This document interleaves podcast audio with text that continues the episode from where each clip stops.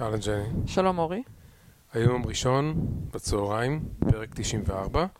הקלטנו שבוע שעבר את פרק 93 ולא שחררנו אותו. מסיבות לא ממש ברורות, עצלנות כזאת. אז נשחרר אותו, נשחרר אותם ביחד. נשחרר אותם ביחד, כן, כי אני לא רוצה כל כך הרבה זמן לפספס פרק אחרי פרק, ואני רוצה כבר להתקדם לכיוון המאה. רוצה להגיע למאה, נו. אני רוצה להגיע למאה, כן, אז אנחנו שניים במחיר אחד. אה, אני גם חושבת שהוא לא כזה לא מעודכן, זאת אומרת, דיברנו שם על דברים יחסית אה, רלוונטיים, אז אה, אפשר להקשיב לו. מה שכן, אני מתכוונת, אור, שהפרק הזה סוף סוף יהיה באיכות הקלטה טובה. אני מבקשת ממך לעקוב בתור הפרודוסר, לעקוב פה אחרי עניינים ולהודיע אם אתה מרגיש שההקלטה יוצאת... משתדל, משתדל. טוב, עכשיו, אנחנו באים לארץ מחר, אז הפרק הבא יהיה מהארץ, מלוקיישן. או שיהיה עוד חודש מפה. לא, נראה לי שנקליט. אלא אם כן, לא יהיה לנו מקום במזוודה לציוד הקלטה. לא, המקום, המצב במזוודות מתחיל להיות קשה. עם כל השטויות של המתנות. אני, קודם כל, אני רוצ, רוצה לבדוק את המצב. כל שנה שאנחנו באים לארץ, אני קונה לאמא שלי מתנות, וזה יש לי רקורד ממש גרוע. תמיד כישלון, וגם הפעם קניתי לה משהו, ונראה לי שזה, אני אודיע בפרק, בפרק הבא, אה, אם נכשלתי. משעממת, את משעממת. כרגיל. ממש. אני, אורי, מה לעשות שאני ברגע האחרון ניסיתי פה לקנות מתנות. ברגע האחרון. אני צריך לאמן אותך לפני הנסיעה לישראל. אה, זה בסדר, אני לא מתרגשת מזה. תשמע, מה שטוב, ב- מה שטוב באמריקה, שאתה לומד שזה פשוט, אפשר לדבר עם כל סוג של מבטא, לאף אחד לא אכפת. אנשים כבר באמת התרגלו להכל. אז uh, לא אכפת לי, בארץ יכולים עם הידיעה, בלי הידיעה, שיחפשו את החברים שלהם. בסדר. טוב, um, רציתי להגיד מילה על הבחירות בארץ, אבל אתה יודע מה, בוא נשאיר את זה להמשך, כי זה נראה לי קצת כבד להתחיל איתו. קצת ב... אנחנו לא רוצים להשוויץ בחוסר- ידע שלנו. אתה יודע, יש הרבה אנשים. אתה יודע, יש הרבה אנשים שאומרים שהם רוצים שהפיד פייסבוק שלהם לא יראה להם שום דבר שקשור לבחירות, שיודיעו להם מי נבחר בסוף וזהו. זאת אומרת, כל ה... הרבה אנשים, אין להם כוח לכל הדיוני פיגור האלה שיהיו בפייסבוק עכשיו, ואנשים יריבו הרי, כמעט רוב הדיונים לא אינטליגנטיים, אנשים ידברו בסיסמאות ושטויות. ואני בגדול מסכימה, פשוט אין לי כוח בכלל לדיוני בחירות. מתי אני מתעוררת? מתי מתחיל לעצבן אותי ואני כן מגיבה ואני מצטערת על זה שאני מגיבה? בעיקר פה לגבי דברים אמריקאים, זה שאנשים לא מדייקים. כן, שאנשים פשוט כותבים דברים שהם לא IQ, דיסאינפורמציה. ממש, זה בלתי נסבל, כן? אגב, אנחנו כמובן ניאלץ לצערי לדבר על ההפלות היום, כשזה הנושא שהכי לא מעניין אותי, כאילו מבחינת, פשוט מבחינתי לא מעניין להתעסק עם זה, אבל כמות הדיסאינפורמציה בנושא הזה היא פשוט בלתי נסבלת, כן? אז נהיה חייבים לדבר על זה קצת, רק בשביל ליישר את ה... אתה יודע, ליישר את הקו. אה, מה שרציתי להגיד בקטע של הסמולטוק, אז הייתי בכנס, אה, מה שנק... אה, בכנס שמה שנקרא לאטאם, Latin אמריקה, במיאמי מן הסתם, זה המקום לכנסים האלה. ו... לכנסים האלה. לכנסים האלה, תודה רבה אורי. Thank you for, thank you for service. אה, אה, בקיצור, היה ממש, יש לי, אני מאוהבת במיאמי, ובאופן כללי כל הקטע הזה של היספנים וזה, תרבות ממש כיפית, וממש ממש היה סבבה. מה שרציתי להגיד שהם כולם היו מזועזעים שם מזה שנבחר אה, נשיא שהוא היה גרילה לשעבר. זה כאילו אצלם, אתה יודע, כל... כל uh, קהילה יש לה את הדרמה שלה, כן, אז הם היו בדרמה שנבחר להם הם? גרילה. מי זה אנשים? זה הם? האנשים שהשתתפו בכנס שהם כאילו, כאילו מלאטם, מלטין אמריקה. טוב. דבר שני לא מעניין שהם... מדינה, אבל. אה? אני חושבת שבקולומביה נבחר. מישהו שהוא גם, הוא שמאלני כבד, גרילה, אבל פרו ביטקוין. כן, אבל אז הם אמרו לי, אז הם אמרו לי, אל תאמיני, כאילו זה פרו ביטקוין מאלה שרק רוצה להשתלט על הביטקוין שלך, כן? כאילו פרו, פרו ביטקוין שכל הביטקוין יגיע אליו. טוב. כן, כל, ה, אה, כל המדינות האלה, אה, נראה כאילו שאנשים כל כך שונאים את הגוברמנט, לא משנה איפה, כן? אף, כולם, כאילו הגוברמנט נורא מושחתים בכל המדינות האלה, כן? טוב. היה מעניין ספציפית מה שהם אמרו על ארגנטינה. אמרו שזה כאילו המדינה שמבחינת אה, איכות, ה- מבחינת ההשכלה, אנשים מאוד משכילים, ואמרו, זה היה כנס הייטק, אז מן הסתם דיברנו על נושא הייטק, והם אמרו שיש שם את הטאלנט הכי גדול מבחינת אה, טק, וספציפית גם בנושא של קריפטו, אבל הם אומרים כאילו שזה פשוט, המדינות האלה בכזה מצב דפוק, כאילו מבחינת הרס הכלכלה, או מבחינת הרס הבנקים וכל הדברים האלה. הסוציאליזם בעצם. כן, כאילו אומרים שמצד אחד אנשים נורא מוכשרים, אני חושבת שזה תכלס המצב הכי מבאס, שיש לך אוכלוסייה שהיא אוכלוסייה משכילה וטובה, והם כאילו חסרי אונים מול זה שיש להם גוברמנט שהוא קטסטרופה, כן? זה כאילו נוראי. כאילו, אתה יודע, אם האוכלוסייה כאילו לא, אתה יודע, לא משכילה וזה, זה עוד איכשהו... זה, פח- זה פחות טרגדיה מאשר מצב שאתה ממש יודע שהגוברמנט שלך כאילו הורס את הכל. כן, אמ, בסדר, אנחנו במדינות, גם ישראל וגם באמריקה, מנסים לחזור על הטעות. נכון? לא, אני מסכימה איתך. כן. שהפוליטיקאים הורסים את הכל. זהו, בקיצור... לא, הסוציאל- מה זאת אומרת, הגישות הסוציאליסטיות של בואו נחלק כסף למסכנים ולכולם, ושכולם יהיו שמחים, נשלח צ'קים. זה גישות שמשם אתה מגיע למצב הם אמרו של- משהו מעניין, שכאילו בלאטאם, מה שנקרא לטין אמריקה, כמעט לאף אחד אין כרטיס אשראי. זאת אומרת, זה לא, זה לא סתם שקריפטו בעצם נכנס שם, באמת יש להם בעיות קשות בכל נושא של כסף, והיסטוריה כזאת של כל הזמן מטבע קורס, והם לא מצליחים לייצב את זה.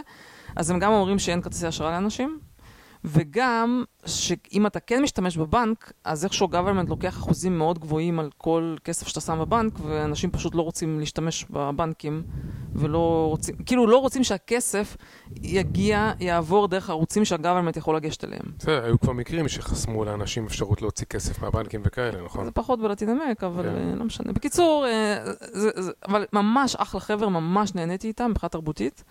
וגם, אני חייבת לציין, מתלבשים מדהים. אין מה, כל ה... אתה יודע, היה שם אנשים שבאו מניו יורק, מקליפורניה ומלטין אמריקה. קליפורניה, חוץ ממני, הסטייל הכי מעפן, כאילו פליפ פלופס כאלה, ממש מבייש. נציגות מביישת. יאללה, בואי נתקדם, ג'ני. שנייה, אני רוצה, רגע, אני רוצה להגיד, אבל כל הלטם האלה ממש מתלבשים מדהים. יופי, יחסית. כאילו, יחסית לכל שאר אמריקה. אה, עכשיו, אז אה, עכשיו, שנייה, רגע, זה היה שם איזשהו דיון קבוצ, בקבוצות על הקטע של מנהיגות. והחלטתי שאני אנסה להיות controversial, כאילו אמרתי, אני אנסה קצת לעצבן את הקהל, נראה מה יצא לי מזה. והתחלתי את זה, ואז אמרו, מה זה מנהיגות? כאילו, עם דגש על tech. אז אה, אמרתי, יש לי שתי מילים שאתם לא תאהבו, אילון מאסק, כי ידעתי שיש שם כמה שלא סובלים אותו. אה, בקיצור, זה עורר דיון מעניין. חלק תמכו בי, כן? לא כולם חשבו שאני מזעזעת עם הדעות האלה. ו... אבל החלק המעניין, שבסוף הכנס, קודם כל הסתדרתי איתה מצוין, כן? כאילו, אתה יודע, גם, ש... גם כשאני אומרת דברים שהם דברים שאנשים uh, מתעצבנים עליהם, אני בדרך כלל עושה את זה כאילו בצורה ש... אה, כאילו אני, אחרי זה זה לא מגיע למצב שהם לא מדברים איתי, כן? טוב. אנחנו מצליחים, מצליחים להגיע למצב של deb, debate או של טוב. שיחה תרבותית. אבל השורה התחתונה, שבסוף הכנס, אה, הזמינו אותי אה, לכנס המשך לארץ מולדתו של אילון מאסק. טוב, אז. אה, מי שרוצה לבוא לדרום אפריקה לפגוש אותי מוזמן. ממש, אה, טוב. כן. בקיצור, אה, הייתה לך ביקורת סרטים גם בפרק הקודם וגם בפרק הנוכחי. אתה רוצה לחזור על זה? אה, איזה סרט דיברנו? בפרק הקודם היה סרט שהוא היה כאילו פרופגנדה, שרצית להקריא תגובות לסרט. אתה אולי יכול...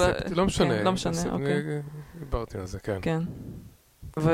ועכשיו פרסמת איזה פוסט על איזה סדרה חדשה, נכון? כן, אני לא רוצה לא לבזבז זמן מהפודקאסט על סתם לאמץ את הסדרה, אבל הסדרה שכתבתי עליה, רק שמתי את הלינק, של סדרה שקוראים לה Severance, שהיא מאוד מעניינת בזה שיש שם איזה... טוב, משפט אחד, אנשים חיים בסוג של חיים כזה, שהמוח שלהם מופרד מבחינת זיכרונות, שבעבודה הם לא זוכרים מי הם בכלל בחצי השני של החיים שלהם, והפוך. ויש עם זה בעיות אה, מוסריות מעניינות, ומה מה המשמעות של זה מבחינת אותם אלה שהחצי מוח שלהם בעבודה, בעצם זה סוג של עבדות, כי הם רק אה, זוכרים את ההימצאות שלהם בעבודה. בסדר, יפה, סדרה טובה. יפה. גם יש עוד איזו סדרה אחת שכולם המליצו עליה, אבל לא... שכחתי איך קוראים לה, אני אבדוק אותה. טוב. לא בא לדבר על הפלות, אבל כולם מדברים על הפלות, אז אה, בואו נס... בוא נקדיש לזה, לא יודעת, איזה רבע שעה. אני מקווה שאני לא אתייבש לי המוח בסופם, ואתה לא תרדם. בסדר, אני גם... אה, קיצור, תגיד טוב, לי בוא נקודות נגיד, אני, יש, לי, יש, לי פה, יש לי. רשימה של נקודות, אני אנסה, בגלל שזה כאילו נושא יחסית מסובך, אני רוצה כאילו לעשות את זה פשוט בנקודות, בסדר? טוב, עכשיו, אני אתחיל מהסוף. אני חושבת שכל המאורע הזה הוא היה מיותר, זאת אומרת, חבל ש, שזה קרה, כן? זאת אומרת, עדיף שלא היו נוגעים בזה. אני לא בטוחה שהייתה ברירה, זאת אומרת, תכף אני אסביר למה זה קרה. זאת אומרת, לא, זאת אומרת, זה היה מיותר, אבל לא הייתה ברירה, וכמובן יש המון דיסאינפורמציה מסביב לזה. אז אני אתחיל סעיף ראשון. שמעת שבית המשפט אסר על הפלות בארצות הברית, אורי? כאילו, זה הדיסאינפורמציה הראשונה, זה שמעתי- מדהים. שמעתי שחזרנו 50 שנה אחורה. נכון.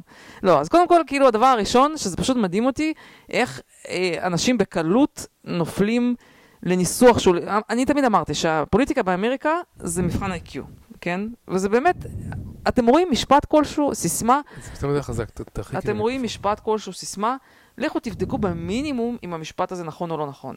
אז לא, בית המשפט בארצות הברית לא אסר על הפלות, אחי אפילו הקדים, אה, אם, לא הקדים, איך אומר?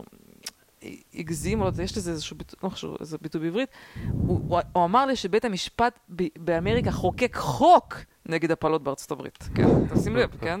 זאת אומרת, אז כמובן, גם לא, לא כמובן בת- בתי משפט לא מחוקקים חוקים, כן? ו... וזה גם לא נגד. בעולם שבו הקונגרס עושה משפטים. בית המשפט יכול זה לחוקק נכון, חוקים. משפטי קנגורו. כן. אז, אה, אז מה ש... רק במשפט אחד, זאת אומרת, אני חושבת שרוב האנשים בכל זאת מבינים שזה מה שקרה, שעשו ביטול לפסיקה עתיקה מלפני 50 שנה, ובעצם הטענה של הבית משפט הייתה שמכיוון שנושא של אה, הפלות, אינו, זכות להפלות אינה בחוקה, לכן בית משפט הוא לא המקום הנכון לקבוע מדיניות הפלות, מכיוון שבית המשפט העליון בארצות הברית, סופרים קורט, המטרה המרכזית שלו זה לוודא שחוקים, או לבדוק את החוקתיות של החוקים, זאת אומרת, האם החוק לא בא בסתירה לחוקה. מכיוון שהזכות להפלות, לטענת בית המשפט הנוכחי, אינה בחוקה, לכן אין להם, לא יודע, לא שאין להם standing, אבל הם לא המקום הנכון לקבוע מדיניות בנושא הפלות, והם מבקשים להעביר את, ה, את המקום הזה למקום הטבעי שלו, שנקרא הקונגרס, ואם הקונגרס הפ- וה federal לא רוצים לקבוע, אז המדיניות תיקבע במדינות, ב-states השונים. זה המשמעות של ההחלטה. זה נכון שבפרקטיקה, אני לא מתכוונת פה כאילו לכבס דברים, כן? זה נכון שבפרקטיקה המשמעות של ההחלטה הזאת, שיש מדינות, או שכבר עשו את זה, או שתכף יעשו את זה, שהם יגבילו משמעותית את ההפלות. זאת אומרת, הפסיקה הזאת שהייתה בבית המשפט העליון באמת עזרה אה, למנוע ממדינות לחוקק חוקים שהם חוקים אה, אה, מגבילים. אבל עובדתית, בית המשפט לא קבע שום דבר שקשור להפלות, הוא רק אמר שאני לא הגוף שיכול לקבוע את זה מכיוון שזה לא בחוקה, אוקיי? ותכף גם... בסדר, אבל. התוצאה הסופית זה שיש נשים שעד לפני הפסיקה, בוא נגיד עכשיו, עד לפני שבוע יכלו ללכת לעשות הפלה, ועוד חודש, חודשיים, לצורך העניין, אפילו מחר, אני ראיתי שיש מקומות לא שבהם כבר הודיעו. שבוטלו הפלות. הם יצטרכו לעבור, לנסוע למדינה אחרת. בארצות זוכרת, הברית. או להקדים את כן. ההפלה, תלוי, יש למשל, סתם דוגמא, יש מדינות שלמשל הורידו את הג- את החודש של ההפלה מחודש- משבוע 24 לשבוע 15, אתה יודע, כאילו, תכף תכף ניכנס לזה, אבל אני אומרת, אבל עובדתית, לא בית משפט העליון לא חוקק שום חוקים, והוא גם לא, להפך, הוא קבע שהוא לא זה שקובע את המדיניות לגבי הפלות. הוא, הוא לא, למעשה לא הביע שום עמדה בנושא של הפלות, כן? רק אמר שזה, מי שצריך לעשות משהו זה המחוקק, כלומר הקונגרס האמריקאי, או אם הקונגרס לא מעוניין, שזה ככל הנראה מה שהולך לקרות, תכף נדבר על זה, אז מי שקובע טוב. את זה זה הזה. סעיף מספר 2. בוא, שמעת, אורי, האם שמעת, שלנשק יש יותר זכויות מנשים בארצות הברית? האם שמעת על זה? לא, עכשיו תקשיב, זה כבר באמת סיסמה, וזה באמת כאילו, פשוט מעצבן אותי שאנשים נופלים לדברים האלה. אז הטענה היא כאילו אומרת, אה, בדיוק באותו שבוע שבו בית משפט אמר שאין, אה, שהוא לא מתערב בנושא של הפלות ושה-states יקבעו, היה במקביל פסיקה אחרת שהוא אמר שהוא כן מתערב בנושא של נשק, כן? ו-states לא יכולים לקבוע. לא, state לא יכול לאסור על לעשות חוקים שאסור לך להסתובב עם נשק. נכון, אז דה פקטו אנשים אמרו, בעצם, אז הפלות לא, ונשק כן. עכשיו, כמובן יש לזה תשוב, זה כמובן סיסמה, לגמרי סיסמה, אה, כי בפועל מה הסיפור? שמה לעשות שהזכות לנשק נמצאת בחוקה, והזכות להפלות לפחות בתור, כאילו בצורה מפורשת לא נמצאת בחוקה. ובהתאם, בית משפט העליון, כשמדברים על הנשק, הוא, הוא צריך להתייחס, כי הוא צריך לפרש בהתאם לחוקה, זה בדיוק התפקיד שלו ב, ב, במערכת האמריקאית. וכשמביאים משהו שלא קשור לחוקה, אז הוא, אז הוא לא שופט, מה לעשות, נכון? אז זה פשוט סיסמה, זו סיסמה שנשמעת טוב, אבל אין מאחוריה שום דבר אמיתי, אוקיי? אני שמעתי סיסמה אחרת, כן. שאני לא מסכים איתה, אבל היא מגניבה באיך שאמרו אותה, כן. שלפי בית המשפט החיים מתחילים בקונספשן ונגמרים בסקול שוטינג. כן. בסדר, לא, תקשיב, זה כאילו סיסמה, אבל לא, אבל אני אומרת, אנשים אבל בסוף, מה שמפריע לי, שכל הדיונים על הנושא הזה, הסיבה שאני לא כל כך אוהבת להיכנס לדיונים האלה, שהם ברמה של סיסמאות. בסדר? והסיסמאות האלה לא נכונות, כן? עכשיו, מי שכאילו... עכשיו, אנשים יכולים ליפול לסיסמאות האלה ולנהל דיון ככה, אבל אני אומרת, מבחינתי זה כאילו לא IQ, במובן הזה שזה פשוט לא דיון ענייני, זה לא דיון רציני. על מה אנחנו מדברים פה? מוצאים, מדברים על דברים שלא נכונים, כן? אה, אגב, יש לנו חבר, שהוא גם כן עשה פעם פוסט ארוך, שהוא, שהוא נפל בדיוק באותו פח, וחבר מאוד חכם, כן? נפל בדיוק באותו פח שכתב שיותר קל לקנות באמריקה נשק מאשר, אה, לא יודעת מה, להזמין משהו מאמזון. משהו בסגנון, לא זוכרת מה זה היה בדיוק, כן? עכשיו שוב, מה לעשות שהזכות להזמנות, להזמנות מאמזון לא נמצאת בחוקה, מה לעשות? והזכות, והזכות ל, ל, ל, לקבל נשק כן נמצאת. בסדר, אנשים פשוט מסרבים להתמודד עם המציאות שאמריקה זאת מדינה שיש לה בית משפט עליון, יש לה קונגרס, יש לה זה, ויש לה חוקה. ובחוקה כתוב דברים מסוימים, ושכדי לשנות את, החוק, את מה שכתוב בחוקה, יש שיטה שנקראת שהקונגרס צריך בשני שליש לעשות amendment. מה לעשות? זה הכללי המשחק. תראה, אנשים, אנשים אה, מהשמאל, הם מרגישים כזה חוסר צדק שנעשה להם עוול בזה שבית המשפט הציג את זה. והסיבה שנעשה להם, שמבחינתם זה עוול, זה בגלל שיש, זו החלטה שהיא לא סימטרית, כי כאילו בן אדם אחד מחליט על מישהו אחר. תכף נדבר על כן, זה. דבר שני, אני רוצה להגיד, הם, הם מרגישים שנעשה להם עוול, כי וגם הם לא יכולים להתנגד לעוול הזה בצורה דמוקרטית, למשל, לחוקק אמנדמנט שכן מתיר את זה. תכף נדבר, אז יפה מאוד. בגלל שהם, שנייה, כן. בגלל שמבחינתם, הם נתקעו במדינה עם כל מיני פרימיטיבים רפובליקנים שמאמינים בכל מיני שטויות, וזה שנתקעת במדינה איתם, אז, אז אומר, אתה, זה מה שפוגע לך בחיים. גם אם נעשה עוול, וגם אם אתה מאמין שמה שנעשה זה לא בסדר וזה לא נכון והכל, אבל... הדרך לפתרון בעיות זה לדייק בהבנת העובדות, נכון? אתה לא יכול, לפת... אתה לא יכול לזרוק סיסמה, ועם הסיסמה הזאת לנסות לעשות דברים. אחת הסיבות שאנחנו נמצאים במצב כמו שאנחנו נמצאים היום, שיותר מדי סמכו על הפסיקה הזאת, כן? במקום באמת לעשות חוקים ובאמת לעבוד, כן? היה מאוד נוח, אז זה שהיה מתישהו בית משפט אקטיביסטי יחסית, שעשה חוק שתכף נדבר עליו, שכאילו פתר את כל הבעיות, כן? אבל בפועל היה הרבה מאוד בעיות עם איך שזה נעשה, כן? ומתי שזה זה, זה היה מתבטל, כמו שזה קרה עכשיו, ברגע שההרכב של הבית משפט השתנה. והיה 50 שנה לחוקק חוקים, להכניס כל מיני פתרונות, אבל אף אחד לא עשה כלום, כי, כי כל מיני סיסמאות וכל מיני שטויות, ועכשיו עובדים בפני שוקת שבורה. זה, זה חלק מהבעיה פה, זה שאנשים במקום להתמודד עם המציאות, עם האמת, מחפשים כל מיני סיפורים. טוב, מה רוצה להגיד? סעיף מספר 3. האם הזכות להפלות נמצאת בחוקה? כן, והאם בכלל היא צריכה להיות בחוקה? זו שאלה מעניינת. הרבה מאוד אנשים, למשל, לדעתי, לא, לגמרי לא, לא מבינים, אומרים, אם אנחנו לא יכולים לפתור את הבעיה כרגע, מכיוון שכדי לפתור את הבעיה צריך להכניס את הזכות הזאת לחוקה, וכדי להכניס זכות לחוקה צריך שני שליש מהקונגרס ואין לו שני שליש מהקונגרס. אבל מלכתחילה, אה, למה, למה הנחת העבודה היא שצריך שהזכות תהיה בחוקה? בשום מקום בעולם, גם במקומות שיש בחוקה, צרפת, ארצות, אה, בריטניה, קנדה, כל, כל אירופה, הזכות הזאת לא בחוקה. אגב, זה לא מפתיע למה, כן? זה לא חובה שזה יהיה בחוקה. עכשיו, יש ויכוח האם במקור זה בחוקה, כן? כי הרי כל ההחלטה של רובי וייד... במקור. במקור. כל ההחלטה של רובי וייד הייתה הטענה שכאילו הייתה פרשנות של החוקה, שטענה שיש amendment 14 בחוקה. תשע, לדעתי תשע, אבל לא משנה. amendment 14, אוקיי. אני, מה שאני שמעתי, amendment 14. של privacy? של privacy. וזה כאילו, ה-amendment הזה, איכשהו הצליחו, איכשהו פירשנו אותו, שהוא בעצם מבטיח את הזכות להפלות. עכשיו, אני חייבת להגיד שזה מה זה נשמע חלש. כאילו, כאילו, אני ניסיתי באמת, התאמצתי נורא להבין מה הקשר בין privacy לזכות להפלות. זה לבטח אורי, לא כתוב בצורה מפורשת בשום מקום בחוקה, שיש זכות להפלה. זה לא קיים, כן? ואני גם לא מצליחה להבין למה ההתעקשות הזאת שזה יהיה בחוקה כשזה לא קיים בשום מקום אחר בעולם. כן, אני חושבת שזה גם סוג של טעות כזאת תפיסתית, שאנשים כן. נתפסו לתוך הדבר הזה, כן, ואני אני אגיד לך גם למה לדעתי נורא קשה להכניס את זה לחוקה. הנה אורי הלך להביא את החוקה בזמן שאני מסביר לך. אני אגיד לך למה לדעתי הגיע למצב שהתעקשו שזה יהיה בחוקה, איפה אני רואה את הקושי? כן. הקושי שאני רואה, שיש בחוקה זכות לחיים. כן, היא אפילו לא אמנדמנט, זה כאילו כתוב, ב, כתוב לדעתי בנוסח המינימלי של, של Bill of Rights. כן? שומע? כן. תתרכז. שוב, מה את אומרת? אני אומרת, למה אני חושבת שכל הניסיון לטעון שזה בחוקה, או לנסות להכניס את זה לחוקה, כן. למה הוא לדעתי בעייתי ואני לא רק יכול להצליח? מכיוון שיש בנוסף לכל כל מיני טענות של זכות לגוף, או כל מיני דברים כאלה, זכות, לא יודעת, לגוף וכל מיני דברים כאלה, כן. יש זכות לחיים, נכון? זה הזכות ב-Bill of Rights היא הכי בסיסית. היא יותר בסיסית מכל ה-amendments, כן? היא, היא כאילו בבסיס, uh, pursuit of life, liberty, משהו happiness, לא יודעת לא, מה. לא, זה ה-life, liberty and happiness זה מה-declaration of independence, אבל ב-fifth amendment כן.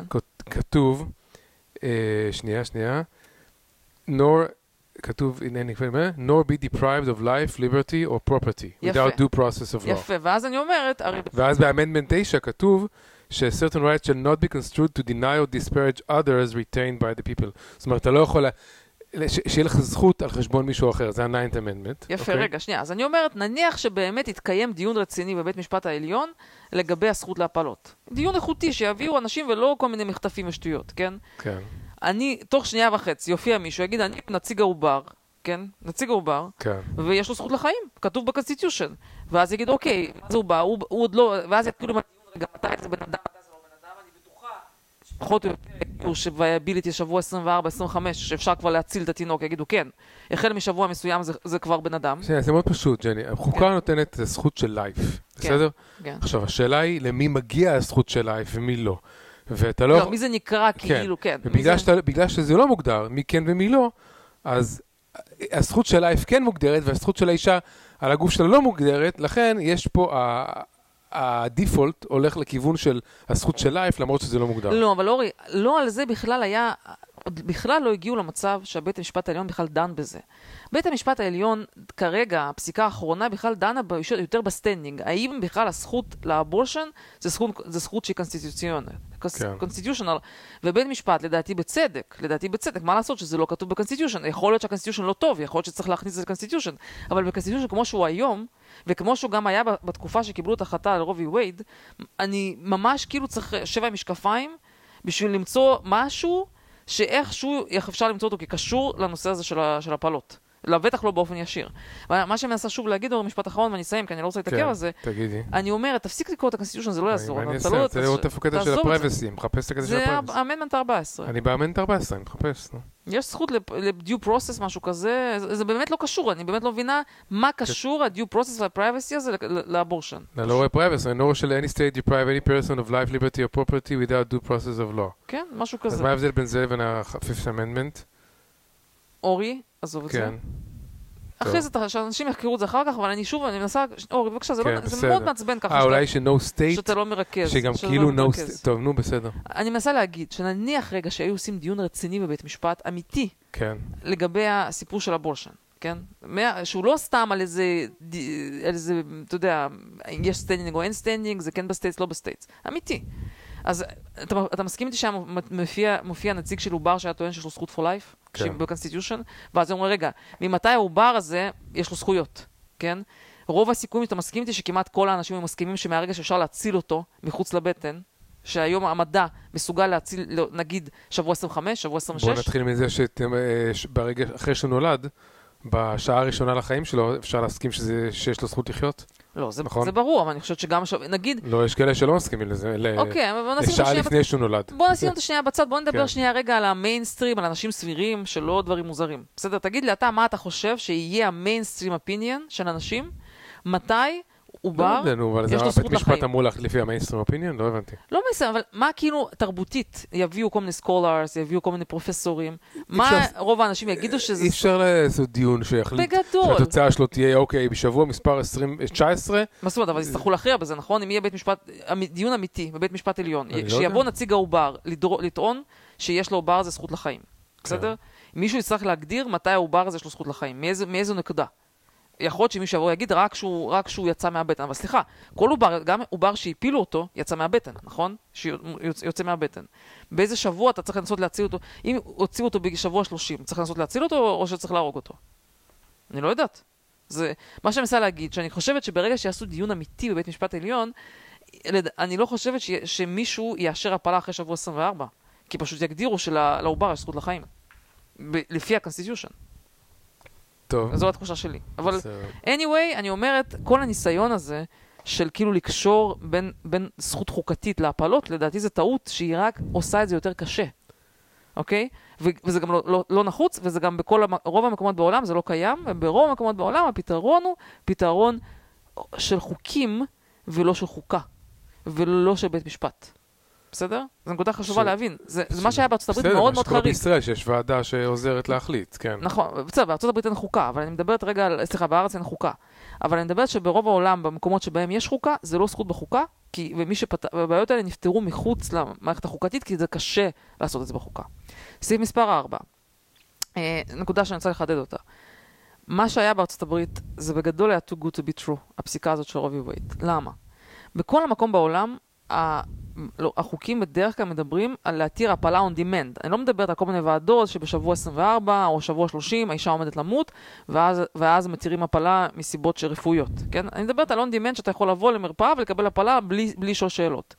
בכל העולם ההפלות מותרות רק בשליש הראשון. בארצות הברית רו vs ווייד, אפילו שהוא נחקק לפני 50 שנה, הוא היה מאוד פרוגרסיבי, מהפכני לשאר העולם, והוא דיבר על viability.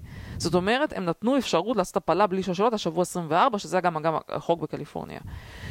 עכשיו, תגיד לי אתה, האם באמת אתה חושב שהחוק הזה הוא באמת שיקף, הוא משקף את התרבות באמריקה. האמריקאים הרבה יותר קונסרבטיביים מהאירופאים. האירופאים הם כאילו הרבה יותר פרוגרסיביים, הרבה יותר מתקדמים, ואצלם מותר עד שבוע 14, והחוק באמריקה הותיר עד שבוע 24, הוא היה מאוד פרוגרסיבי, כן? כאילו, זה באמת היה משהו שהוא יחסית היה מחטף אה, באופן לתרבות האמריקאית. צריך כאילו, בסדר, הטענה היא הרבה יותר פרוגרסיבי מאירופה. שהסטטוס שהיה לפני מה שקרה השבוע, הסטטוס היה יותר מדי קיצוני לכיוון ה pro-choice. ויש מספיק אוכלוסייה באמריקה שזה לא מייצג אותה. כלומר, רוב האוכלוסייה, אפשר להגיד קונסרבטיביים, לא רוב, אולי חצי... תראה, רוב האוכלוסייה, דיברנו על זה גם בעבר, רוב האוכלוסייה היא איפשהו בגדול במדיניות של אירופה. אנשים אומרים, בשליש ראשון, עד שבוע 15, 14, משהו כזה, זה כאילו, זה כאילו הנקודה שאנשים מרגישים איתה בנוח. שבוע 24, לרוב האנשים, זה, או לא יודעת אם לרוב, להרבה אנשים זה נשמע מתקדם מדי, וזה כאילו לא תואם את, ה, את העולם. בסדר, אז אני אומרת שזה הסיפור הזה של זה. עכשיו, סתם עוד כמה דברים מעניינים, שאפילו רות גינסבורג, גינסבורג, השופטת כאילו הנאורה, היא לא אהבה את הפסיקה הזאת, כי מכיוון שהיא חשבה שהיא קיצונית, כן? שהיא כאילו לא... שה, ששפטו אותה בהקשר לא...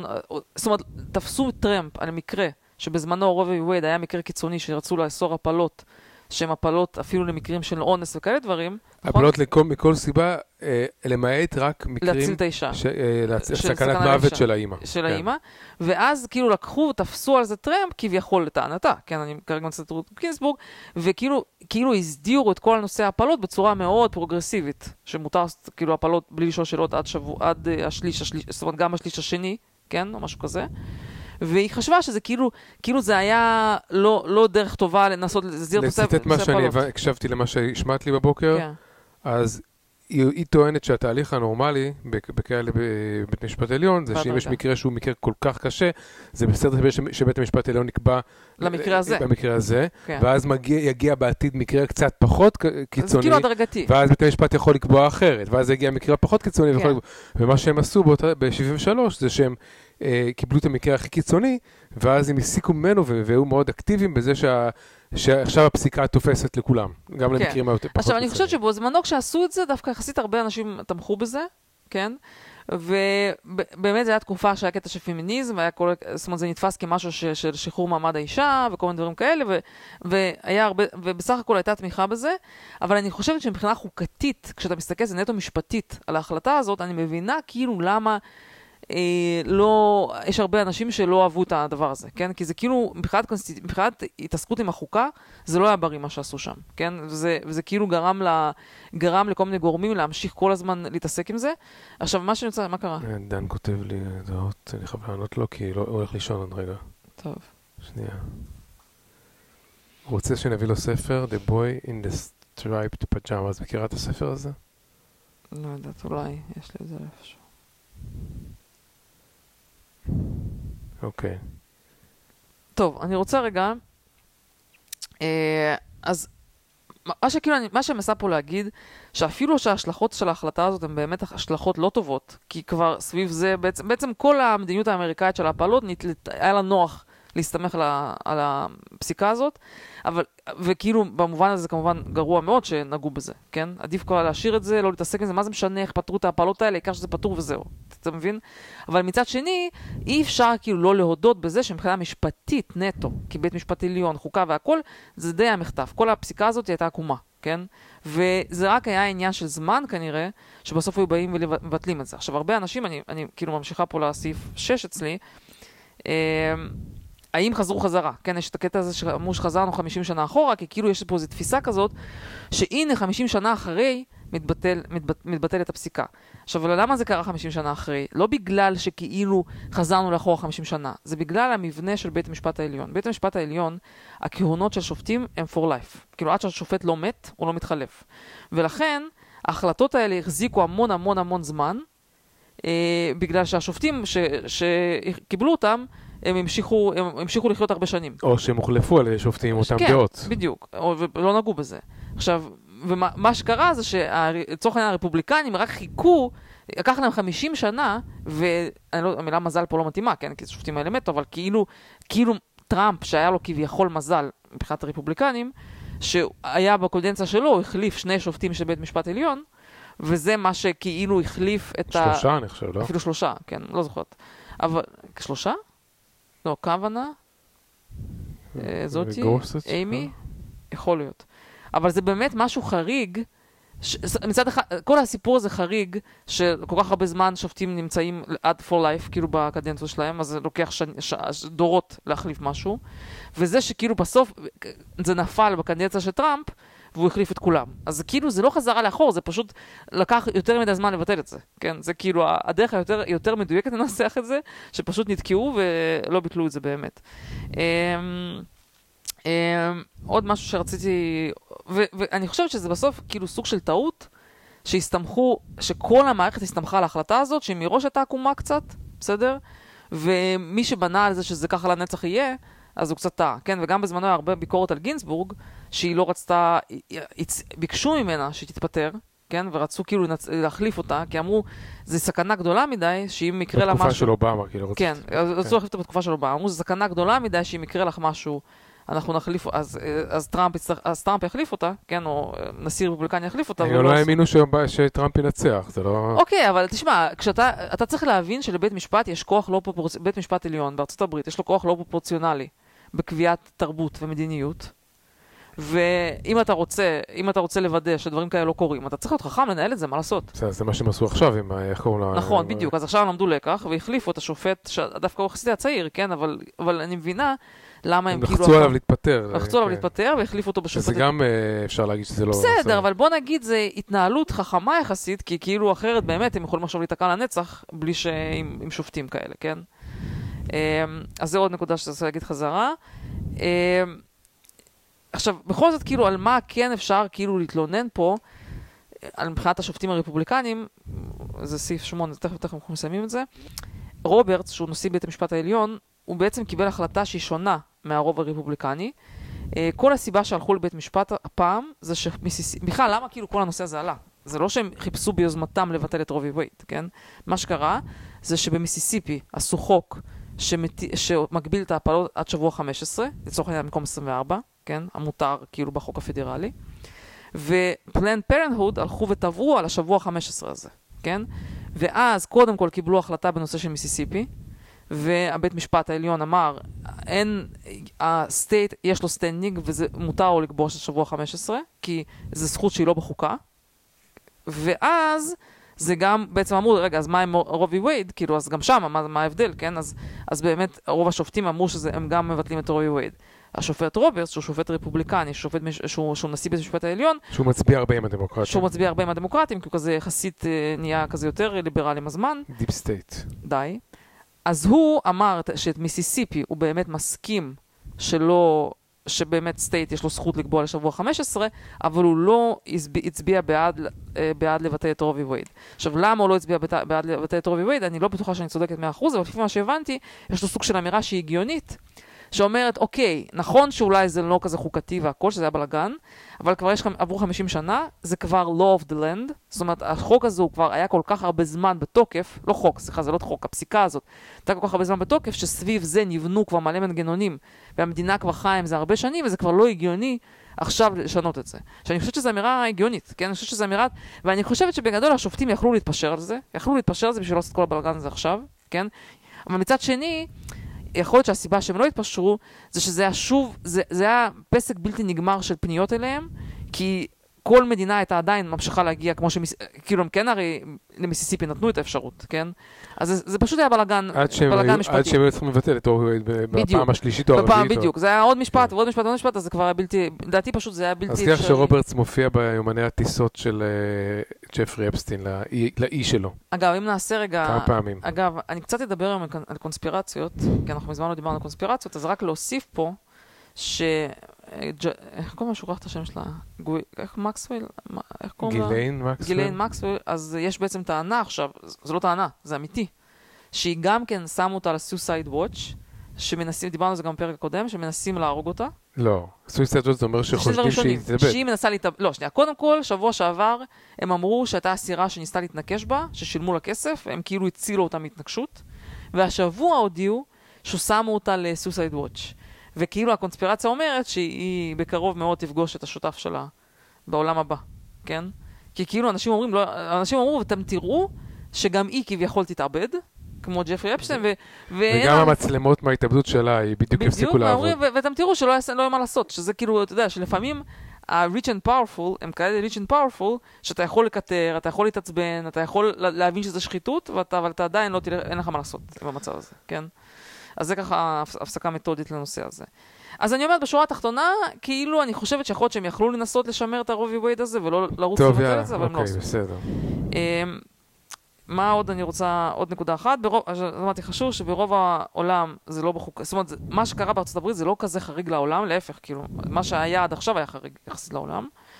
אה, כמובן שאלה הכי מעניינת האם זה יפגע בבחירות, כן, והאם זה כאילו ייתן לדמוקרטים את הניצחון בבחירות האמצע. אה, יש דעות סותרות בנושא הזה, חלק אומרים שכן, שזה ימ- בסוף זה עניין של להמריץ את הקהל. ואפילו טראמפ, יש אומרים שטראמפ מתלונן בשיח, בשיחות סגורות שזה כאילו ירחיק את הסברבן ווימן, שגם ככה הרפובליקנים חלשים איתם. חלק אחר אומר שזה נושא שבגלל שזה נורא פרטני, וחלק מהמדינות עדיין השאירו את זה בשבוע 15, כאילו זה לא, זה לא מספיק ימריץ את הקהל, אני לא יודעת, בכנות אני לא... זה לא- זה לא יוסיף עוד מצביעים לרפובליקנים, אבל זה כן יוסיף עוד מצביעים לדמוקרטים. נכון, זה, זה זה בטוח, כן בעיה. זה בטוח, אבל... ל- לרפובליקנים. לרפובליקאים. אבל, השאלה אם זה מספיק משמעותי, אני לא יודעת, כאילו במדינות, ה, במדינות המתנדנדות. אמ, אני אגיד לך משהו, אני מבחינתי, העיניים שלי לפלורידה. מה שאני מבינה שפלורידה לדעתי זה המדינה כאילו הכי מעניינת מבחינת ההפלות, כי שם יש אחוז גבוה של הפלות יחסית, ומשה רפובליקני. הטענה היא שהם הולכים להגביל את זה לשבוע 15. אז אני, אתה יודע, כאילו, אני חושב שהדבר הכי גרוע שיכול לקרות לרפובליקנים, ש... אה, שכאילו הם יפסידו משהו כמו פלורידה בגלל הדבר הזה, כי שם דווקא הפלות יחסית פופולריות. אה, אגב, שאלה לי אליך, האם שבוע 15, כאילו איפה זה ביחס לעולם? סתם רק בדיקת, טוב, אתה בטוח יודע, בדיקת שפיות, שביחס לעולם, שבוע 15 זה, זה חושך, חוסר נאורות, חזרנו לימי הביניים, או ששבוע 15 זה מתקדם יחסית? שזה המדיניות של פלורידה ושל וירג'יניה. אני חושב שזה, עכשיו אני מבין שזה כנראה קצת יחסית מתקדם, למעט הנושא של אה, אה, מומים בעובר, ואז שמה אולי אפשר לגלות את המומים רק מאוחר יותר משבוע 15. נכון, אז, אז, אז בתור on demand, בתור לבוא בלי לשאול שאלות, זה יחסית מתקדם. בצרפת רק השנה העלו את זה משבוע 12 לשבוע 14, ולפי מה שהבנתי הנשיא התנגד, הוא רוצה להשאיר את זה ב-12. בגרמניה זה כנראה בכלל לא חוקי הפלות, אבל עוצמים עיניים, יש כאילו כזאת מדיניות שהיא בשתיקה. כאילו, ועוצמים עיניים עד שבוע 12, אבל באמת הקטע הזה שאני חושבת שזה טרגדיה, שבאמת אנשים שצריכים לעשות הפלה בשבוע מתקדם בגלל כל מיני מומים או כל מיני סיבות כאלה, שכביכול, אני לא מצליחה להבין עד הסוף, אולי זה גם fake news, כאילו שכאילו אין עכשיו יותר דרך לעשות את זה, אז זה כאילו נוראי, כן? כאילו, בן אדם גם צריך להתמודד עם הדבר של לגלות שיש איזה מום ומשהו כזה, וגם כאילו לא מסוגל לעשות הפלה, או צריך לנסוע לאיזה מדינה, זה בעיניי כאילו די, די מזעזע. לדעתי כולם יכולים לנסוע, לקחת אוטו ולנסוע, חוץ מתושבי אלסקה לכאורה, שיצטרכו לנסוע קצת יותר. כן. כן. בקיצור, אמ, אז זה, זה נקודה. אולי השאלה האחרונה של לשאול, אמ, אבל שוב, צריך להגיד שכמובן יש מדינות מסוימות שהולכים לעשות לגמרי חוקים פונדמנטליסטיים במובן מסוים. טקסס, שמדינה גדולה שמגבילה לשבוע 6, שזה כאילו בעיניי מאוד קיצוני, כאילו לא, עם כל הכבוד, כאילו זה לא, לא סביר בכלל. אה, עוד מדינות לדעתי שמחכות, משהו כמו, לדעתי, לדעתי סדר גודל של עשר מדינות, שחלקן קטנות, כן? לא, זה לא הרבה אנשים, הולכים לעשות חוקים מאוד נוקשים. שאני הייתי קוראת להם פונדמנ, פונדמנטליסטים במובן מסוים, והם כן קשורים אה, לסיבות דתיות, כן? טוב, כאילו- אני רוצה להגיד שעל על הטוויט ששלחתי לך של מייק סרנוביץ', מהמם. שהוא בעצם אומר, אוקיי, מה, אני, זה פרפרזה על מה שהוא התכוון להגיד, הוא אומר, choice, לא choice, אוקיי, ל- ל- עכשיו לנשים יש פחות choice אם לשמור או לא לשמור את ההיריון, כן? הוא אומר, לגברים, לכאורה, מעולם לא היה choice, בגלל שברגע שמישהי נכנסה להיריון, זה, הייתה, זה היה ה-choice שלה ולא ה-choice של הגבר, ואז הגבר היה חייב לשלם כל החיים, או לשלם 18 שנה, ואם לא, אז הוא נכנס לכלא, אז בעצם עכשיו, עכשיו בעצם זכויות האישה וזכויות הגבר הן יותר שוות משהיו לפני זה. כי עכשיו לאף אחד מהן אין צ'וייס. תשמע, הד- הבעיה בכל הדיונים האלה שהם דיונים שאתה יכול לתפוס את זה מהרבה מאוד קצוות, את כל הזכויות, וזה אגב, באות- באותו דיון שאמרתי לך שהיה יכול לקרות בבית משפט עליון, אני חושבת שגם יכול להיות שגם גברים היו טוענים שיש להם standing. כאילו, אני סתם שואלת אותך שאלה, שאלה באמת, כאילו, כזאת, שאלה של משפט שלמה כזאת. אם אישה, נגיד אנחנו נמצאים בשבוע 25 בקליפורניה, שמותר, סליחה, שבוע 24, נמצאים בקליפורניה שבוע 24, אישה החליטה שהיא רוצה להפיל, וכביכול מותר להפיל לפי החוק, אפילו, נדמה לי שהיא כן צריכה לתת איזה סיבה. נגיד שהיא אומרת שיש לי סיבה כלכלית, לא מעוניינת, אני לא יכולה לגדל את התינוק. מגיע אבא אומר, אני מעוניין בתינוק, אני אקח, אני אטפל בו הכל, אני, בבקשה, אל תהרגו את התינוק שלי, אני רוצה את התינוק שלי. כן, אני, אני לוקח על עצמי, לא צריך כלום, רק תסיימי להביא אותו, וזהו. לא נראה לי שכרגע זה אפשרי מבחינת חוקים. נכון, אבל כן. אני אומרת, בגדול, אני, אני לא לגמרי פוס... אני יכולה לדמיין איך דבר כזה מגיע לבית משפט עליון, וגם האבא אומר, בנוסף שאני מייצג את עצמי, אני גם מייצג את התינוק. אני, אני בתור נציג התינוק מבקש שלא יהרגו אותו, אני רוצה להציל אותו. כן? עכשיו ברצינות, אני שואל אותך ברצינות לבית משפט עליון, מה הוא אמור לקבל, איזה החלטה אמור לקבל במצב הזה. כאילו, לדעתי זה, זה... כאילו, אנשים מציגים את זה בתור משהו נורא טריוויאלי, כן, ברור שזה מותר להפיל, אני לא כל כך מבינה למה זה כזה, כזה טריוויאלי, כאילו, בעיניי זה לא כזה טריוויאלי בכלל. אה, כמובן, אני לא הייתי רוצה להיות במקום של האישה הזאת, שכאילו, כאילו, כביכול סוג של, הופכת לאיזה כלי כזה בכל הדיון הזה, אבל אני לא יכולה לגמרי להתעלם מזה שיש פה עוד, עוד אנשים מעורבים במקרה הזה, כן? כאילו, מה לעשות, שאני לא, לא מבינה למה אנשים מתעקשים להתעלם מזה שבכל זאת זה לא רק האישה. ולבטח מגיל מסוים של התינוק, ועוד לבטח שאם אפשר להציל אותו, כן? זה שני דברים שמתעלמים, מאחר שזה לא רק האישה, זה גם התינוק. ודבר שני, זה שלאישה גם יש אחריות בשביל שהיא הגיעה למצב הזה, שבשבוע 24 פתאום הגיעה למצב שהיא צריכה להחליט את ההחלטה הזאת. לח- במובן הזה אני חושבת, מה זה אחריות? במובן הזה אני חושבת שכנראה שזה די דיון תיאורטי. אני, אני לא באמת מאמינה שיש הרבה אנשים שהולכים להפיל בג... ב... בחודש כזה מסתם כי בא להם, כן? כאילו, אני לא מאמינה. יכול להיות שיש מישהו שסתם בשביל לה- להוכיח נקודה, אבל זה כנראה מקרים מאוד נדירים. בסוף המדיניות צריכה להיות מדיניות ש... שעוזרת לבן אדם נורמלי, אתה יודע, עם בעיה אמיתית. כנראה שרוב האנשים שרוצים להפיל בשבוע הזה, זה רק מקרים של... אה, של באמת איזושהי בעיה בעובר, אבל גם אז, למשל, נגיד, נגיד, בוא- בוא אני אתן לך עוד משפט שלמה יותר קשה. נגיד שזה תינוק עם תסמונת דאון, כן? ובארצות הברית צריך להבין שביחס לישראל, מאוד שונה. הגישה מאוד שונה, והרבה אנשים פה רוצ... כאילו מביאים תינוקות עם תסמונת דאון. כאילו זה, תרבותית מסתכלים על זה אחרת. נגיד האבא אומר, אני רוצה לגדל את התינוק, אני, אני אגדל אותו, עזבו, את לא רוצה, אין בעיה, אבל תביאי לי את התינוק, אני אגדל. אז כאילו, אני אומרת, אני, יש פה לדעתי, זה טרגדיה, כאילו, כי אני לא, לא ברור לי שזה כל כך, אני, אני לא רוצה לדמיין לא אותו רופא שמשתתף בדבר הזה, ולא אותו שופט שצריך להחליט בנושא הזה. כן, אם יש צד אחד שהוא מעוניין בתינוק, או סבא וסבתא, אני לא יודעת מישהו מעוניין לגדל את התינוק. אמ, והאימא, שגם, גם, אני מבינה גם את הצד של האימא, שכאילו אומרת, אני לא רוצה לגדל תינוק עם תסמונת דן, כאילו, אני כאילו מבינה את זה, אבל אי אפשר להתעלם מזה שזה מורכב, בעיניי. אמ, טוב, אמ, בקיצור, אנשים צריכים לדעתי להיות קצת פחות, אה, קצת פחות אמוציונליים על הדבר הזה, וקצת יותר אה, עם, עם חמלה, ו, ובאמת כאילו לנסות לחפש יותר פתרונות מאשר עקרונית לחפש חוקה, לא חוקה, כאילו יותר לעזור ל, ל, למצוא פתרונות, שיהיה פתרונות לנשים, שיהיה פתרונות אה, לתינוקות, לא יודעת, כאילו... יאללה, בוא נתקדם. טוב. אה, אגב, מה דעתו של אילון מאסק בנושא? תראה, הוא בעד אה, הרבה אוכלוסייה. בדרך אז כלל, לא? אה, אני אגיד לך משהו. קודם כל, הוא לא כתב כלום בנושא. אמרו, שמאז שכל הנושא הזה התחיל הוא נעלם, לא שומעים אותו ולא רואים אותו, ורק. יש לו פין טוויט, שבו הוא כותב שבאמת יש קריסה בילודה בארצות... כן. בעולם ובארצות הברית, אבל הוא לא הביע דעתו. מצד שני, יש רשימה של חברות שהודיעו שהם יממנו ל...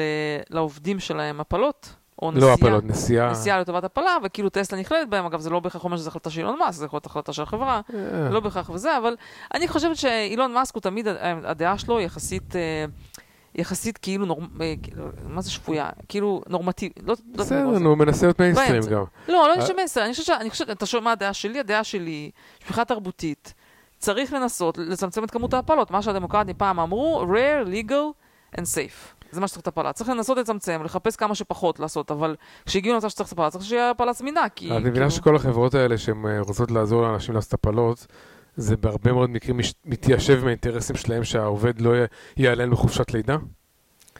כן, זה גם כנראה- ככל הנראה, יש פה ש... אני לא מאמינה, אורי, אני לא... החופשת לידה עולה להם יותר, החברות האלה, למשל, חברות כמו בהייטק, שמשלמות כן. אה, לאנשים על paid leave, גם לגברים. כן, על paternity leave ו maternity leave, בסדר, משלמים לעובדים. אני לא חושבת אבל שזה אה, השיקול. הרבה יותר זול להם לש- לשלם על אני נסיעת מבינה מה אוטובוס לא למדינה חושבת- ליד. אני לא חושבת שזה השיקול, אבל אני חושבת שבאמת בסוף, כאילו, בסופו של דבר צריך, אה, כמובן צריך שהפלות יהיו זמינות, אבל מבחינה תרבותית, זה לא, כל הגישה הזאת שכאילו, זה, זה חגיגה, כאילו, אני לא, אני ממש לא מתחברת לזה. ולבטח יש בעיה שככל שהמדע מתקדם ואפשר להציל את התינוק בגיל מוקדם יותר, אה, צריך ממש להשתדל לא להגיע למצב שעושים הפלות, חוץ ממקרים חריגים בשבועות כאלה מתקדמים. כן, בעיניי זה ממש אה, ביזארי כל הדבר הזה, וברברי, כאילו. טוב, הזה. יאללה, מה את אומרת? טוב, אמ, טוב, מיני דברים קטנים שעוד היה לי, לא יודעת אם כזה מעניין לדבר על זה. יש עכשיו הרבה דיבורים על זה שגילו שסין ממש כאילו בגדול אמ, מרגלים אחרי האמריקאים דרך הטיקטוק. כן, ראיתי את כל הפרסומים האלה? ראיתי איזה משהו כזה, כן. כן, כאילו, לא יודעת כמה זה מעניין לדבר על זה, אבל אני חושבת לא, שהם actively, שהם יהיו- הם כן. השתמשו ב users דאטה בצורה... אה, כאילו, אנשים אומרים שיש ב- בעצם כאילו ש, אמ, שתי סיבות, שתי מטרות לנושא הזה. מטרה אחת זה כאילו פשוט נטו להגיע לדאטה וללמוד דברים על אנשים, אני לא יודעת מה אולי, לא יודעת מה לעשות בעתיד עם הדאטה הזה, כן? שזה דבר אחד, ובוא נגיד רגע, מבחינתי פחות חמור, למרות שחמור, כן? כן. מהדבר שהם, שהם יכולים כאילו להשפיע ולעשות מניפולציה על המוח של אנשים. כאילו, במובן הזה של לדחוף תכנים מסוימים, אה, למשל לזרוע division, כן? למשל, אם אתה דוחף תכנים שמייצרים פה מלחמת אזרחים מימין לשמאל, כן? וכל הזמן דוחף כל מיני אינפלואנסרס כאלה שנורא דר- נורא דרמטיים, לא מחפשים את האמצע, אלא מחפשים רק איך לריב. וזה גורם לי פה למ- למלחמות בין הציבור, וגורם לזה שאין מחנה משותף בין הציבור. אז זה לא מצב טוב, כן?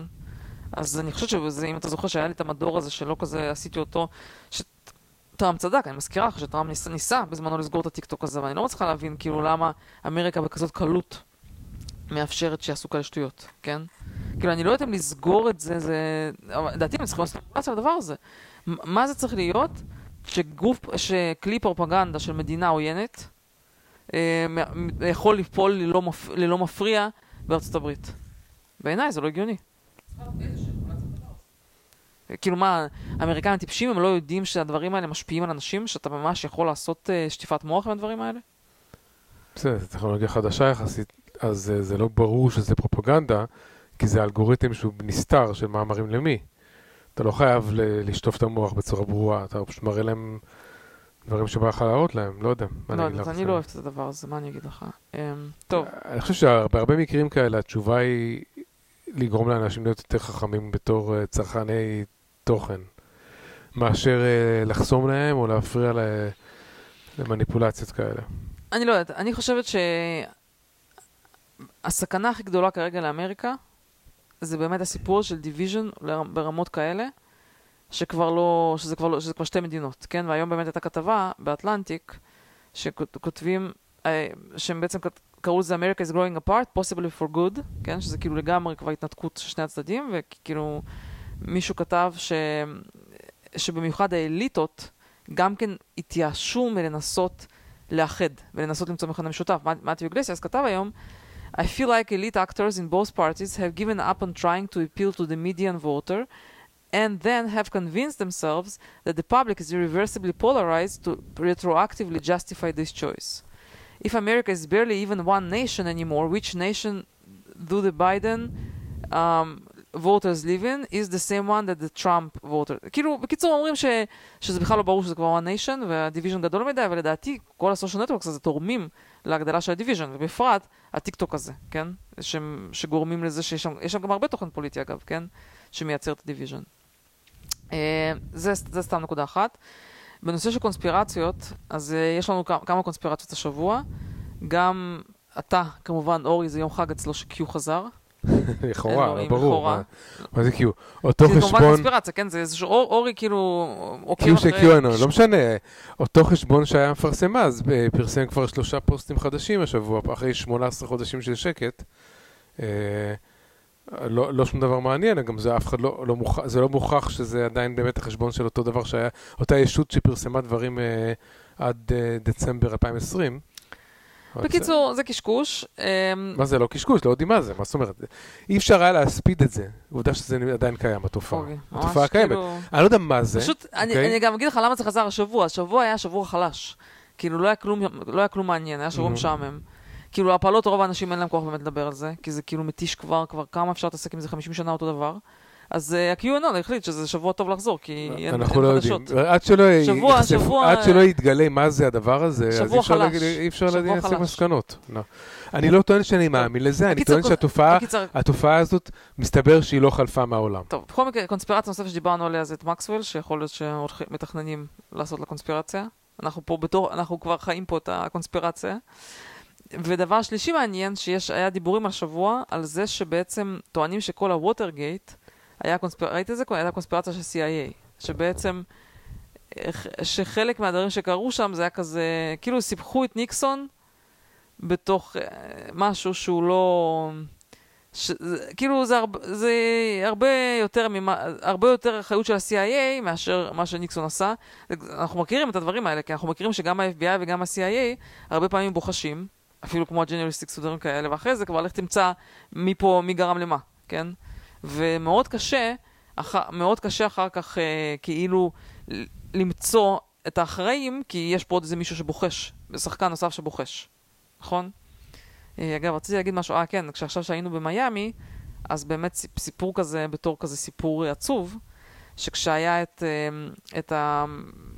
שבקובה היה את ה-Bay of Pigs, בעצם היה ניסיון כאילו לעצור את ההפיכה של קסטרו, והיה ניסיון של כל מיני, של כוחות האופוזיציה, בעידוד ה-CIA ובעזרה של ה-CIA, לבוא וכאילו להתנגד לקסטרו, וכשהתחיל המבצע, שהם התחילו לצעוד בניסיון כאילו, כאילו להעיף אותו, קסטרו ידע על זה מראש והתחיל לירות עליהם, ואז ה-CIA והממשל האמריקאי התנער, למרות שהם אלה שבחשו ובישלו את כל הדסה הזאת, אה, כאילו התנערו מכל הסיפור, וכאילו מה שהציגו במיאמי בסיור, שכאילו ה-CIA כאילו אה, עשה להם אה, זה, סכין בגב.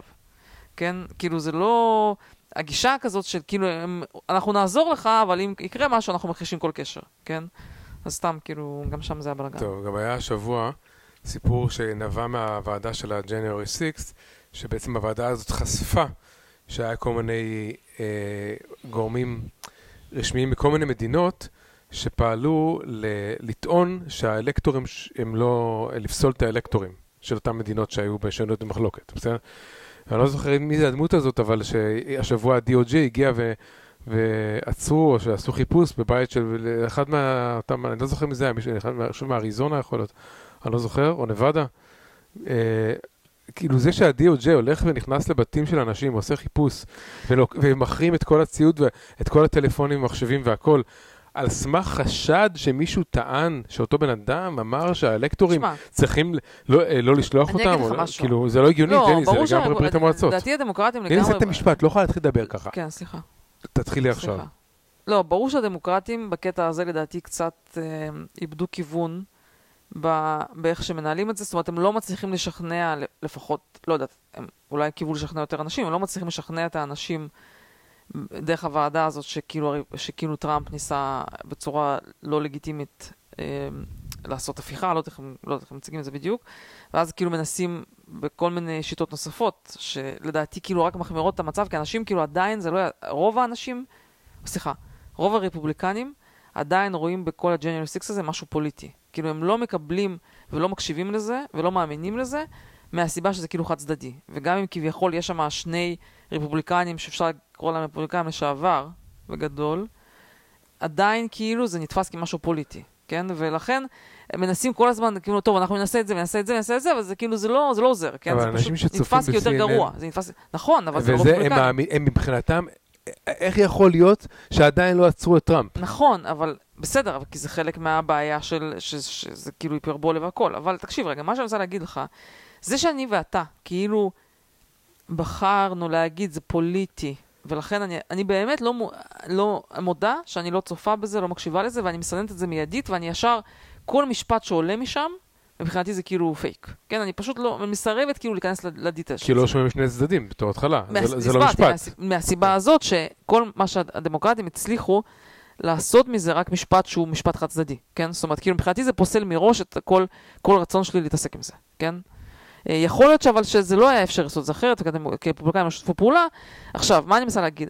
אני לא פוסלת את זה שהדמוקרטים לא, יש להם איזשהו say הגיוני שם. אני לא פוסלת את זה, כי אני באמת לא בפרטים, אני לא מעוניין להקשיב לזה אפילו, אני לא מקשיבה, אז לבטח לא יכול להגיד אם זה כן או לא.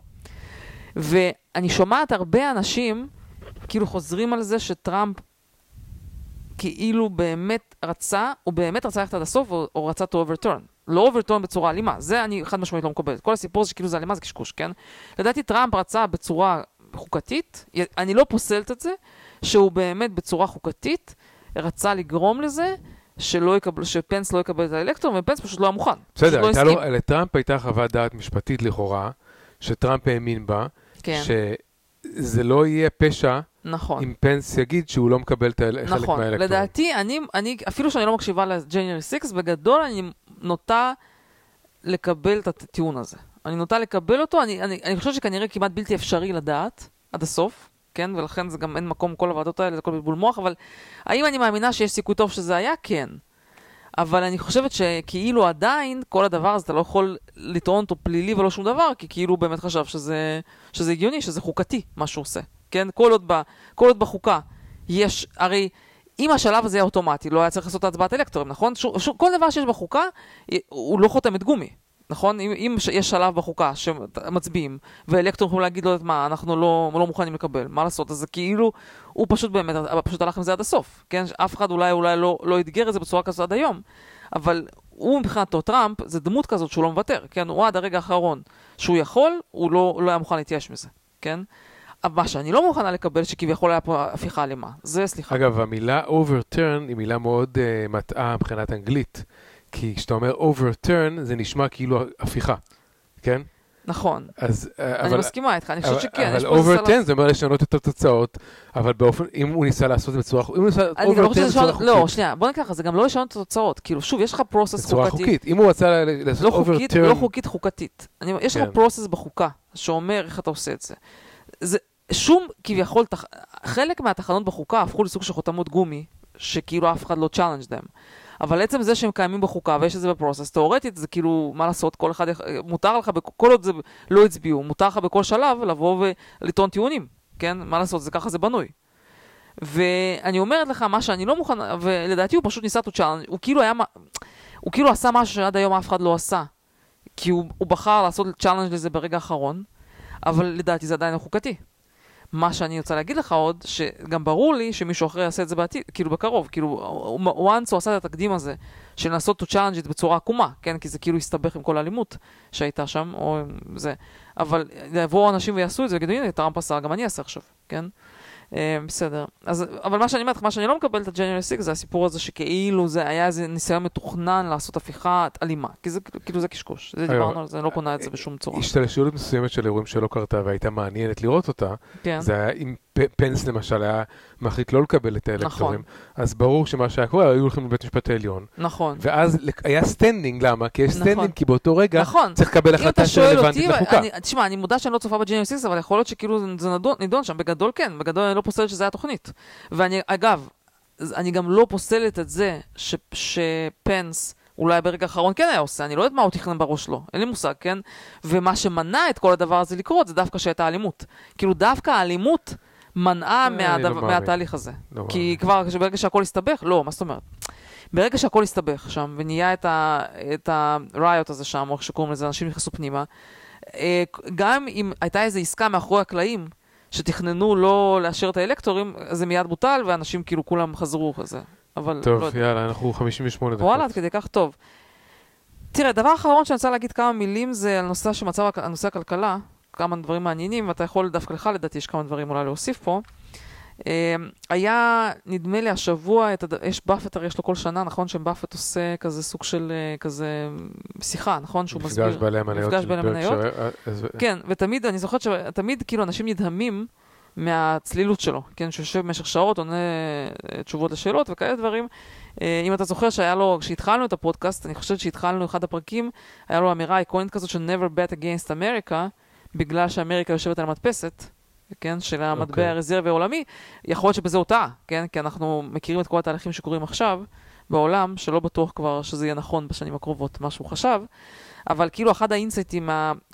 ואגב, במפגש הזה שהייתי בו, בכנס הזה שהייתי בו השנה, יש המון מעריצים לוורן באפט. טוב, כאילו זה לא מפתיע. טוב, מה הוא אמר השנה? האינסייט המעניין שהיה לו, שכאילו never time the market, שכאילו אומר, אנחנו תמיד באנו להיכנס למרקט בזמן גרוע, אתה אף פעם לא יכול לדעת, מת, כמו, שגם אתה אומר, מתי זה בשיא ומתי זה בשפל. והדרך להשקעות זה להשקיע ולקנות על בסיס האם אתה אני תכף אקריא לך את זה, האם אתה כאילו מאמין בחברה. האם באמת אתה מאמין שהחברה מסוגלת לייצר ערך כלכלי? אה, שנייה, אני בדיוק אקריא לך את זה. רגע, שנייה. רגע, רגע, רגע. We haven't we haven't the faint, faintest idea what the stock market is going to do when it opens on Monday, Buffett said. We have not been good at timing. למעשה הוא אמר שהם השקיעו פעמיים בזמן הכי גרוע. פעם אחת השקיעו ב-2008, בזבזו מלא כסף, כאילו, ואז הכל קרס, ועוד פעם אחת משהו גם כן הכי גרוע. We have, we have been reasonably good at figuring out when we are getting enough for our money. כאילו אמר, תבדקו את ה-value שהחברה נותנת לכם. אם אתם מאמינים שאתם קונים חברה שיש בה value, אז, אז תשקיעו בזה. טוב. Uh, הוא אמר שהם עשו, אומר, twice we tried to predict the market ahead of time, once in 2008 during the Great Recession, and again in March 2020, ahead of COVID pandemic, creeping global, markets. Uh, ואמר שהם כאילו, כאילו הפסידו הרבה כסף, אבל over time זה היה בסדר, ואומרים ש-another billionaire has apparently followed a similar playbook, שזה טסלה and SpaceX CEO אילון מאסק, Uh, הוא בעצם, הוא בזמנו כתב טוויט ש-buy stock in several companies that make products and services that you believe in, only sell if you think their products and services are trending wars. Don't panic when the market does. This will serve you well in the long term. טוב. בסדר, זה כאילו אינסט טריוויאלי, אבל uh, כל מיני ניסיונות של כאילו להיכנס, uh, להיכנס בשפל ולצאת בשיא, uh, גם, גם אורן באפן וגם אילון מאסק, שניהם אומרים שהם גרועים בזה. טוב. בסדר? כן. אגב, אני חושבת שבמובן הזה אילון מאסק קונה את טוויטר, גם אם כאילו מבין שהוא כנראה overpaying for this, אם הוא מאמין שזו חברה עם value, אז הוא, אתה יודע, אז, אז הוא קונה את כן, זה בשביל... בזמן value. האחרון הוא לא ממש התבטא בזה שטוויטר... אני אומרת לך, מאז ההפלות הוא פרש. לא, אבל הוא גם לא מדבר, הוא לא חוזר לדבר על הבוטים וכאלה, נכון? הוא לא... הוא ירד מזה. אמ, כן, כאילו, זה מעניין, לא יודעת. אמ, טוב, בוא נראה מה עוד משהו זה. History may look back at the period in which we are living and call it the Great Regression. טוב, זה לא קשור, זה כל הסיפור הזה של ה-abortions. Um, סתם עוד נקודה קטנה. Uh, the reason Dems didn't, זאת אומרת, הרבה- יש, בואו אני נחזור לסיים בהפלות, סליחה, לפני הפלות. Uh, יש לי שם מפגר לפרק הזה, אבל בגלל שכל הנושאים שאנחנו מדברים מפגרים, אז אני כאילו משהו כזה סתם small talk, אז השם שאני חושבת לעשות להגיד זה בלי עניבה.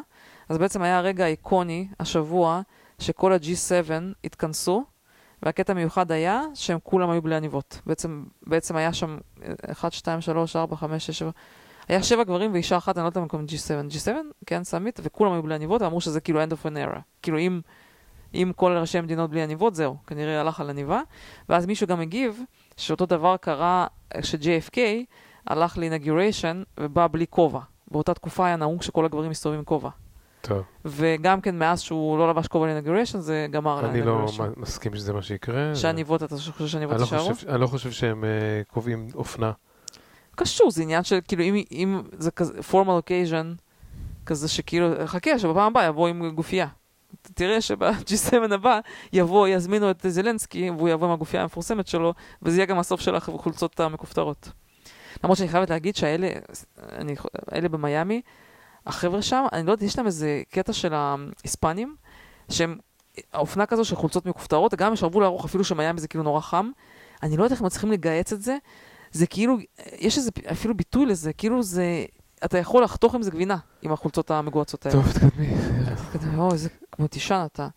רגע, מה אני רוצה, תן לראות עוד כמה טוויטים. אה, כן, אז אני חוזרת שנייה לסיפור של ההפלות.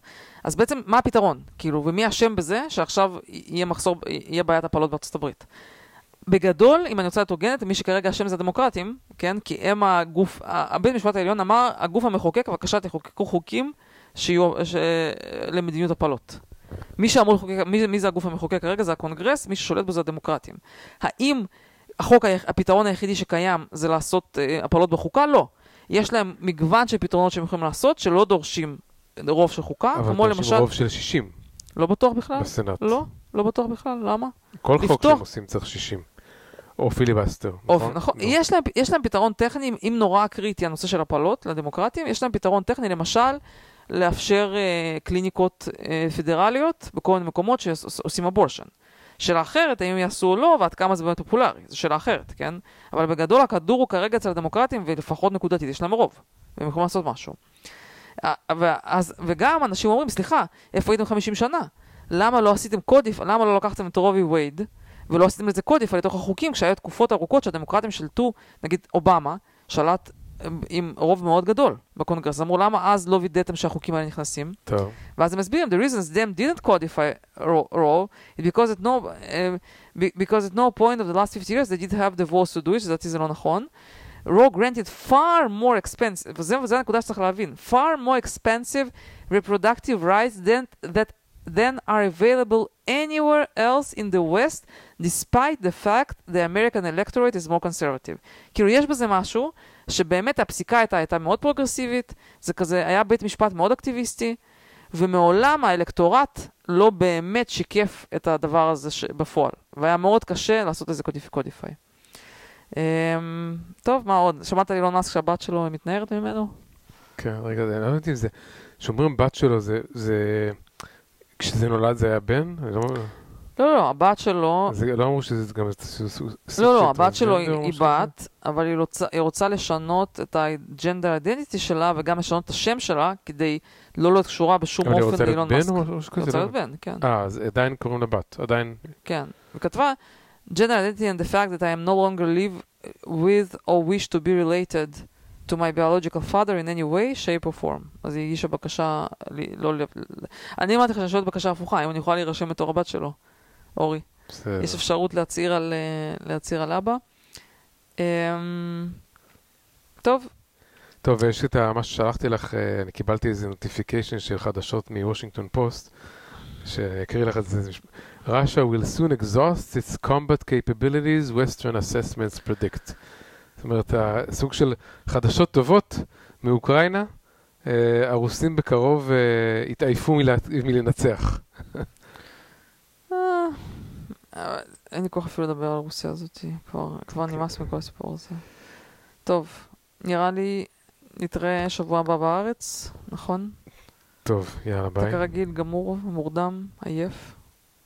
יאללה ביי. ביי.